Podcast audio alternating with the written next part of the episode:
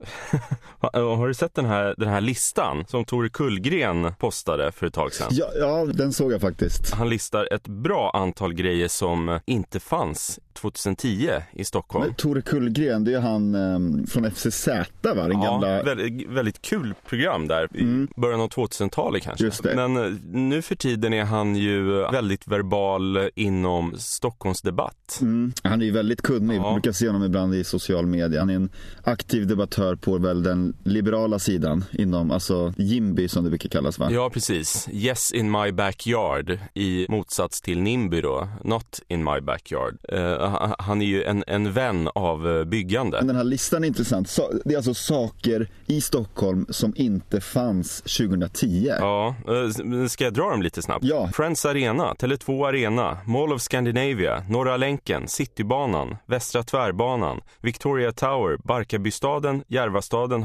Hagastaden, Norra Djurgårdsstaden, Värtaterminalen, Hornsberg, Spårväg City, Urban Escape, Guldbron, Sommargågator, Folke Bernadottsbro, Abba the Museum, Vikingaliv, Stockholm 01, Liljeholmskajen, Vega, Norvikshamn, Pendelbåt 80.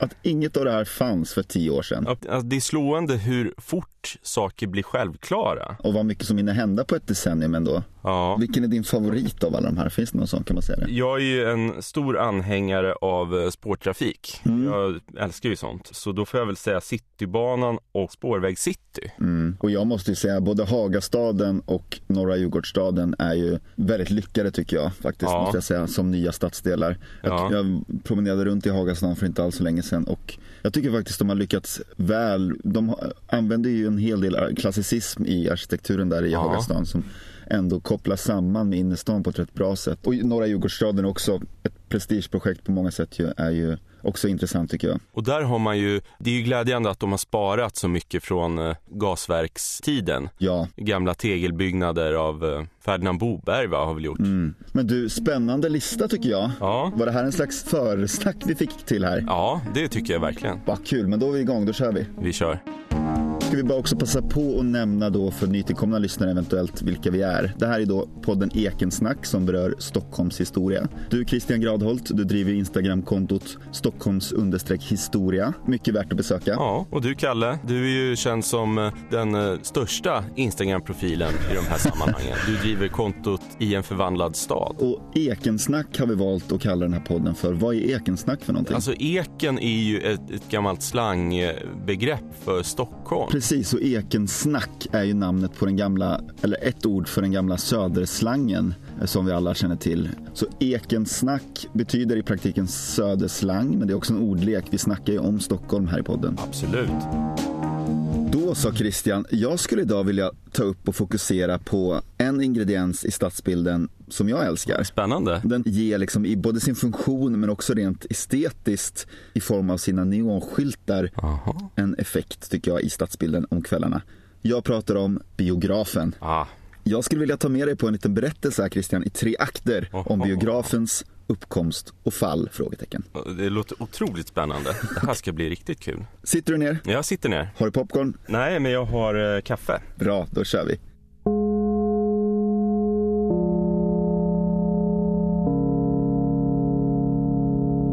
Akt 1 den levande bildens intåg i staden, Christian. Aha. Jag kommer bespara dig själva filmkonstens historia, det finns andra forum för det såklart. Men jag kan ju bara kort nämna då att filmen som sådan och biografen den uppfanns ju kan man säga av bröderna Lumière i Lyon i Frankrike 1895. Det blev en omedelbar succé av förklarliga skäl. Man kan ju nog inte ens föreställa sig hur mindblowing på ren svenska det måste ha varit att se de här rörliga bilderna. I en ja. tid då ju även stillbilder var en rätt ovanlig syn för många, eller hur? Det finns ju någon film där de har filmat ett tåg som mm. kommer emot kameran och mm. folk blev helt förskräckta och sprang ut ur lokalen och de trodde att det var på riktigt. Men det är faktiskt så att även innan Lumières filmteknik, den hade föregåtts av en annan enklare teknik som kallades för mutoskop. Det var en slags tittskåp med en fotoserie, du har säkert sett dem, av typ en häst som springer vid en snabb liksom, optisk illusion kan man säga av en radda fotografier som rör sig i snabb hastighet. Ja, det är någon sorts eh, rulle med springor i som passerar över någon bild av något slag. Men det var ju liksom mer av en gimmick, en slags lustig apparat. Men jag nämner dem ändå här för ett gäng av dessa mytoskop fanns faktiskt uppradade i Birger i slutet av 1800-talet. Så de kanske man kan säga var de första, inom citationstecken, filmerna i Stockholm. Aha. Men Lumières film var ju såklart något helt annat och de blev som sagt en omedelbar global succé och till Stockholm kom de första gången redan ett och ett halvt år efter dess födelse. Ja, men Stockholm är ofta tidiga, så vi snappar upp eh, saker. Mm, mm. Foto, film och telefon. Och... Det är verkligen sant. Sverige och svenskarna präglas verkligen av en slags teknikoptimism och kanske har det med vårt klimat att göra delvis också. Att vi har förstått eh, innebörden och vikten av ny teknik som hjälper oss. Dels för att kommunicera över långa avstånd och även för att hålla oss undan kylan och så vidare. Det är min teori i alla fall. Jag har hört någon historiker som har sagt att väldigt mycket av den här eh, svenska mentaliteten uppstod när vi insåg att vi har väldigt mycket järn och mm. koppar och silver och det blev nödvändigt att ha, ha ett ganska instrumentellt tänkande. Men 1897 då? Vad hände 1897 i Stockholm? Tänker du på Stockholmsutställningen? Ja, Allmänna konst och industriutställningen på Djurgården sommaren 1897.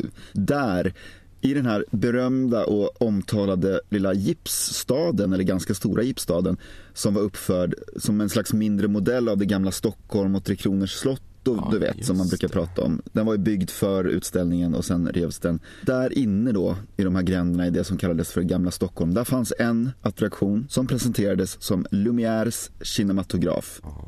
Och det var en fotohandlare som hette Numa Petersson och hans son som stod bakom och arrangerade just den här attraktionen. Och jag bara kort side-note här, men Numa Petersson han förtjänar egentligen en hel diskussion i sig själv. Han var en riktig pionjär just vad gäller ny teknik i Stockholm. Han var från början apotekare men han breddade sin verksamhet. Hans affär räknas som Stockholms första fotobutik som låg på Hamngatan och han var även väldigt tidig med att sälja telefoner. Okay. Han öppnade då den här tillfälliga utställningen på Djurgården och det var en lokal då där fick plats ungefär 60 personer och där visade man några av de här tidiga stumfilmsklippen från Frankrike som du var inne på. De finns ju på Youtube och ser de här för de som är intresserade. Men det är just det där tåget som rullar in på stationen. Det är arbetarna som lämnar fabriken. Enkla klipp och även en del lite enklare sketcher liksom av slapstick-karaktär kan man säga. Och i slutet av visningen, som var runt 20 minuter lång, där visade man också några filmklipp som hade filmats i Stockholm i samband med den här konstutställningen. Bland annat ett klipp där kungen, Oscar II, anländer till utställningen med båt. Ja. Och det här är några av de äldsta filmupptagningarna som finns i Sverige. Ja. Det är rätt häftigt. De finns också in på internet. Och det finns också uppgifter om att Oscar II han fick en privatvisning av det här klippet på sig själv på slottet senare samma kväll som det hade filmats. Och han var då enligt uppgift väldigt entusiastisk över de här levande bilderna. Jag kanske drömmer nu men det känns som att jag har hört någon gång att det var ett klipp på någon som eh, hoppade ner i vattnet mm från en, mhm. någon trampolin och sådär som man sen spelade upp baklänges. Och det ska kung Oscar ha tyckt varit otroligt roligt. Ja, det kan man ju förstå. Ja, jag har för mig att jag har hört det. Stockholmsutställningens kinematograf, den flyttades sedermera av Petersson och hans son till en lokal vid Kungsträdgårdsgatan 12. Så det var Stockholms första permanenta biograf. Den existerade ungefär i ett år. Därefter uppstår ett visst vakuum. Det fanns inga fasta biografer i Stockholm några år. Men man visade ju såklart de här levande bilderna i olika varietélokaler, Berns salonger och cirkus och så vidare. Men i Birger igen, där vi har haft de här mytoskopen, där öppnades 1905 en biograf som hette Biograf Varieté. Mm.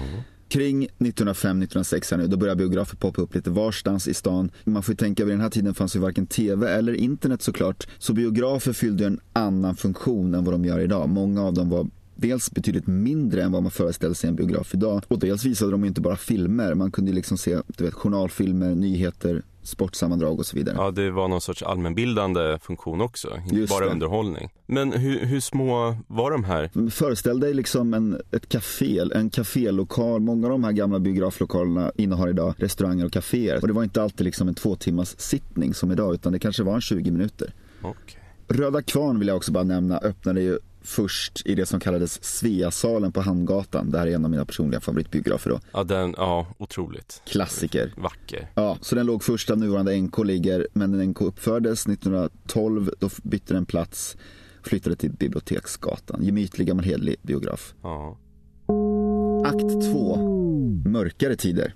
30 och 40-talet, det var ju liksom biografverksamhetens storhetstid kan man säga. Till de stora biogatorna hörde då dels Götgatan som hade hela sju biografer aktiva samtidigt på 30-talet. Kungsgatan var länge givetvis också en stor biografgata med totalt fem biografer om man räknar in Sergelteatern som där på Hötorget, idag Filmstaden Sergel. Och Birger hade också en handfull biografer aktiva samtidigt under den här storhetstiden. Men allt skulle omkullkastas. På 50-talet, när tvn klev in i folkhemmet. Televisionen den slog igenom i Sverige på bred front i samband med fotbolls-VM 58 som var i Sverige. Och här började ju bion genomgå lite av en identitetskris kan man säga.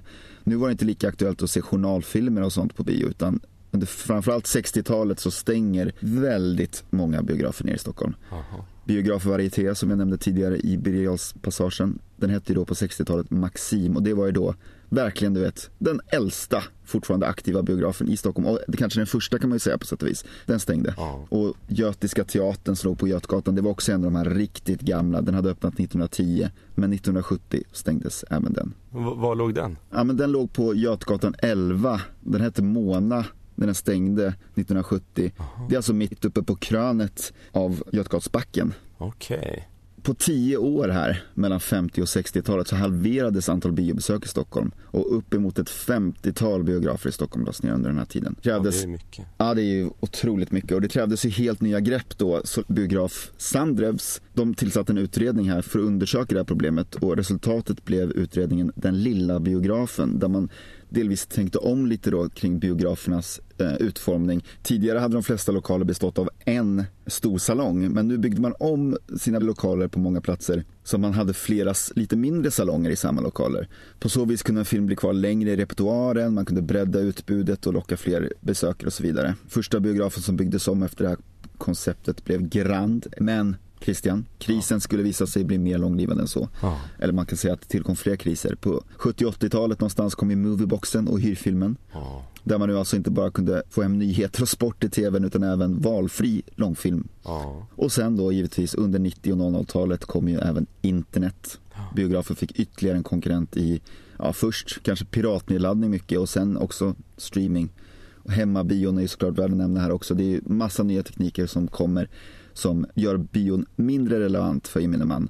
2006 stängdes Röda Kvarn på Biblioteksgatan. Rest in peace säger jag bara. Ja, det blev väl eh, direkt efter nedläggningen, var, var det inte någon klädaffär där? Ja men precis. Urban Outfitters. Urban Outfitters. Just det. Men nu är det någon form av eh, restaurang. Mm, tack och lov har de i alla fall behållit ja. lokalen i sin ursprungliga form. Ja. Hyfsat smakfullt gjort ändå får man väl säga. Ja men vad skönt. Det är ju så fint, eh, ibland när man går runt i stan mm. ser man ju så här lite överallt på vanliga hus mm. en sån här, det heter väl baldakin mm, mm, mm. som sticker ut och så är det kanske någon mataffär under eller något sånt där. Men och så så vet man att här, ja, här var det en bio. Ja men precis, det finns ju en radda sådana här och jag kan rekommendera alla att gå in på, om ni söker på nedlagda biografer i Stockholm på Google så kommer det komma upp en Wikipedia-länk och där finns det en sammanställning på väldigt många av Stockholms nedlagda biografer. Ja.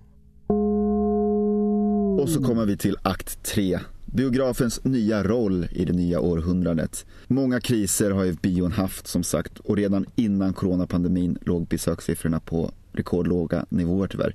I Sverige gjordes runt 15 miljoner biobesök 2019. Det är en femtedel jämfört med storhetstiden för ja, knappt 100 år sedan.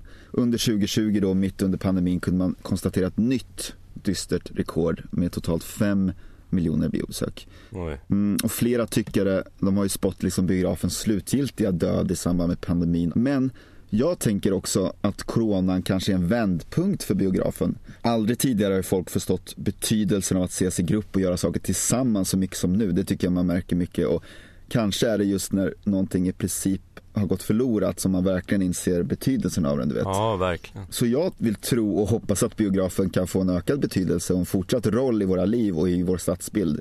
På senare år har ju biografen fått en delvis annan roll. Det görs ju mycket satsningar på liksom helhetsupplevelsen där man kanske äter middag i samma lokal innan och där vill jag verkligen lyfta fram privatinitiativet biograf Kapitol vid Sankt Eriksplan. Den är helt otroligt fin. Ja, alltså gå dit och stötta dem och kolla. Verkligen. Och jag tycker att det finns tecken på hopp i vår tid. Jag vill lyfta fram här då Skandiateatern. Den uppfördes 1922 av arkitekt Gunnar Asplund, han som även har då ritat Stockholms stadsbibliotek. Ja. Det är ju då 100 år sedan de öppnade Skandia på Drottninggatan alltså. Och sen vill jag också nämna Sveriges äldsta fortfarande öppna biograf. Och det är Sita på Birger Den är alltså äldst? Den är äldst. Så, som fortfarande visar film? Den äldsta fortfarande aktiva. Okay. Birger var ju då en stor biogata som sagt och Sita den öppnade 1913 under namnet Vinterpalatset och sen bytte den namn till Rita lite senare. Och det finns fortfarande ursprunglig utsmyckning kvar i lokalerna. Ja. Det finns sådana här amorinerna, de här kärleksgudarna i stuckaturen inne i, uppe i taket i salongen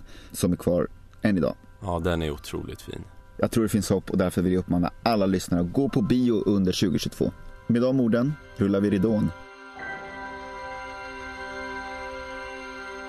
Tack så mycket Kalle för det helhetsgreppet du tog. Tack själv. Själv ska jag vara lite mer specifik. Mm. Och du avslutade ju på den underbara lilla Sita på Birger mm. Jag ska prata om en enda byggnad som uh, låg på just Birger mm. Den kanske är lite bortglömd eftersom mm. den revs för så länge sedan. Men jag tycker att den är intressant för den har som nästan inga andra byggnader någonsin i Stockholm orsakat så mycket krångel. Intressant. Det blev rättsprocesser och det var enorma summor pengar som stod på spel och politiska turer och kungen kom in och satte ner foten och det är liksom inte för inte som det här huset kallades för skandalhuset vid Roslagstorg. Wow, det här kan jag ingenting om så det här ska bli väldigt roligt. Men så här, för att placera oss i rummet kan vi säga att Roslagstorg motsvaras idag av eh, Eriksbergsplan längs Birger då i höjd med eh, Tegnérgatan. Mm. Och den utmärks dels av Timmermansordens stora byggnad uppe på um, Eriksbergshöjden. Mm. Mm. Men även den här skulpturen Fordon av mm. Stockholms kanske mest kända skulptör KG Beijemark. Mm. Det, det, det, är två, eller det är några stora hjul i järn eller stål och så någon axel och så. Den är ganska intressant faktiskt. Ja just det, vi kan ju passa på att nämna här då för våra lyssnare att om man är nyfiken på att kika närmare på de här platserna och se exakt var de ligger eh, i förhållande till varandra, då kan man gå in på en karta vi har gjort på Google Maps där alla platser vi berör i avsnittet finns utmarkerade. Ja. Och länken till den här kartan hittar ni i eh, beskrivningen för det här avsnittet.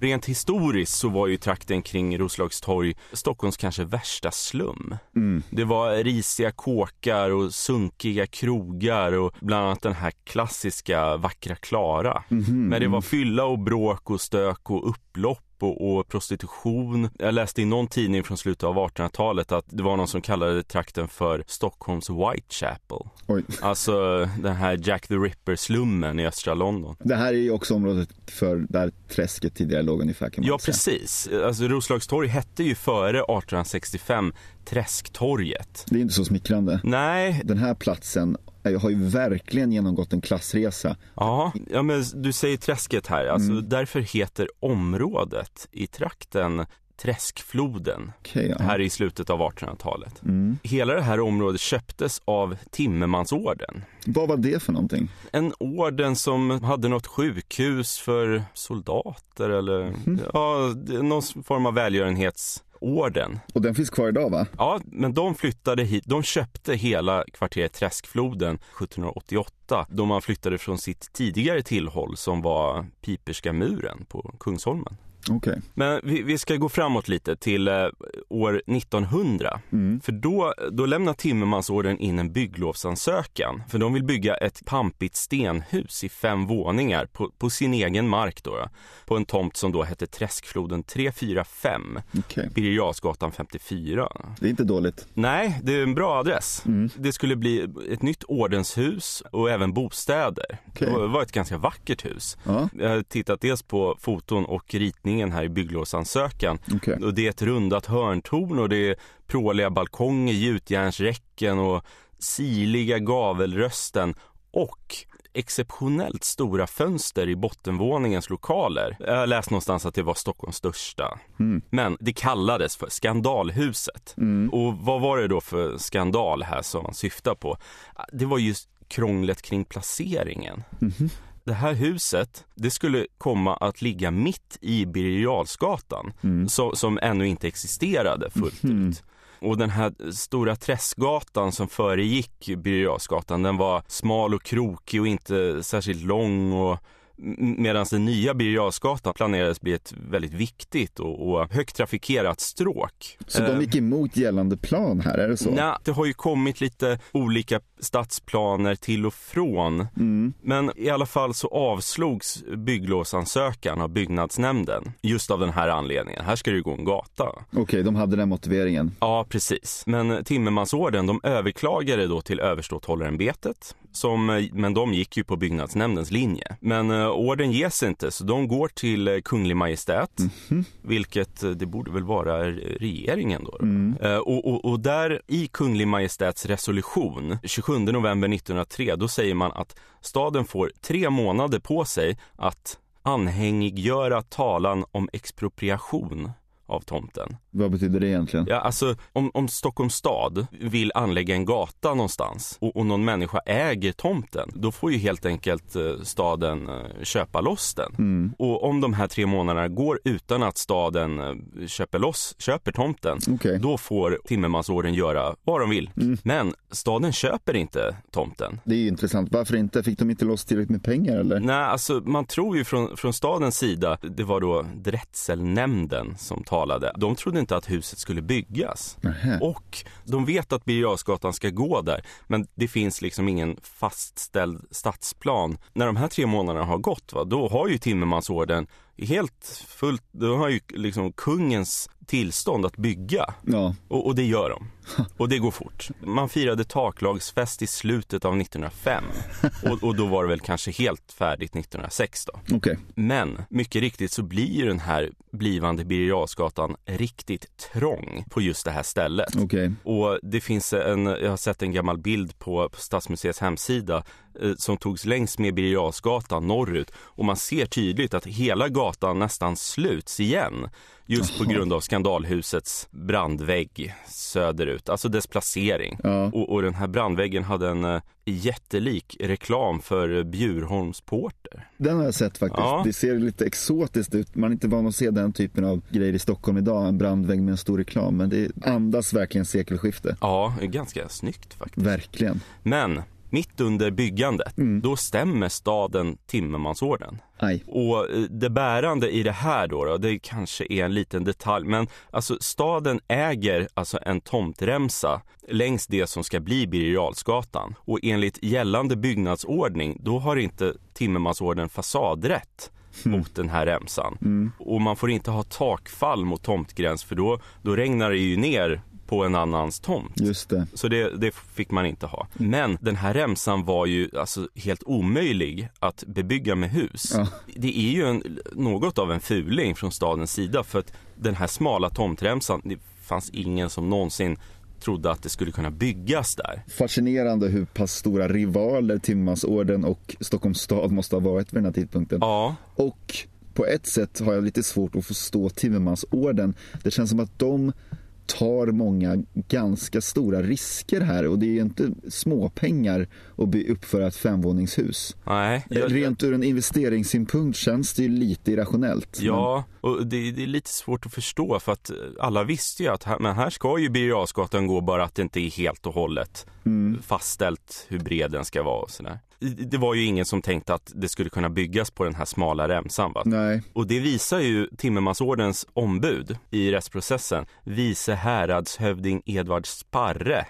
Inget dåligt ombud. Och han visade med hjälp av gamla handlingar och kartor från 1700-talet att just den här ytan aldrig har varit något annat än eh, öppen plats och gata och sådär. Okay. Och det handlade alltså om en rättsprocess inledd av Stockholms stad mot Timmermansorden helt utan praktiskt syfte. Ja. Alltså just vad gäller det bärande argumentet med dörrar och fönster mot tomtgräns. Men Timmermansorden, eller om Timmermansorden förlorar den här processen, då mm. måste alltså alla fönster och dörrar och, och de, även de här stora skyltfönstren muras igen. Okay. Och det skulle bli en konstig låda och det, det står ju verkligen en hel del på spel här. Ja. Ärendet hanteras av rådhusrätten och kan du tänka dig vilket flyt man har, staden. Okay.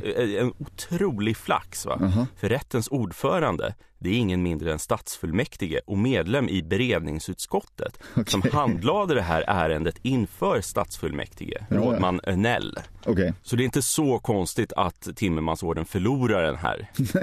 Och Edvard Sparre han menar att det här är jäv mm. och att en medlem i stadsfullmäktige inte kan döma i en process där staden är part. Mm. Men det håller inte rätten med om. Nej. Om man just tittar på de här fotografierna så ser man att skandalhuset skulle vara, det skulle vara ett ganska uppskattat ja. gammalt hus idag ja. med torn och silig fasad. Mm. Det, det, är lätt att tycka om sånt. Ja. Men vid den här tiden då, då, så det var inte alla som var nöjda. Det fanns en som hette Tor Hedberg. Han håller tal inför Frisinnade klubben på Hotell Fenix 1906 att skandalhuset är citat ett stort femvåningshus utan något samband med omgivningen. Mm. Ett otäckt byggnadsblock som tyckes skryta över att vara en utböling mitt inne i staden. Det, det, det är perspektiv, att, ja. att dessa typer av sekelskiftshus som vi idag värnar så mycket om. Ja. På sin tid var de nykomlingar i stadsbilden och ja. bröt mot andra tidigare konventioner. Ja. Så det är en ständig dragkamp mellan nytt och gammalt va? och ja. successivt förändras staden. Men, men, men, det var inte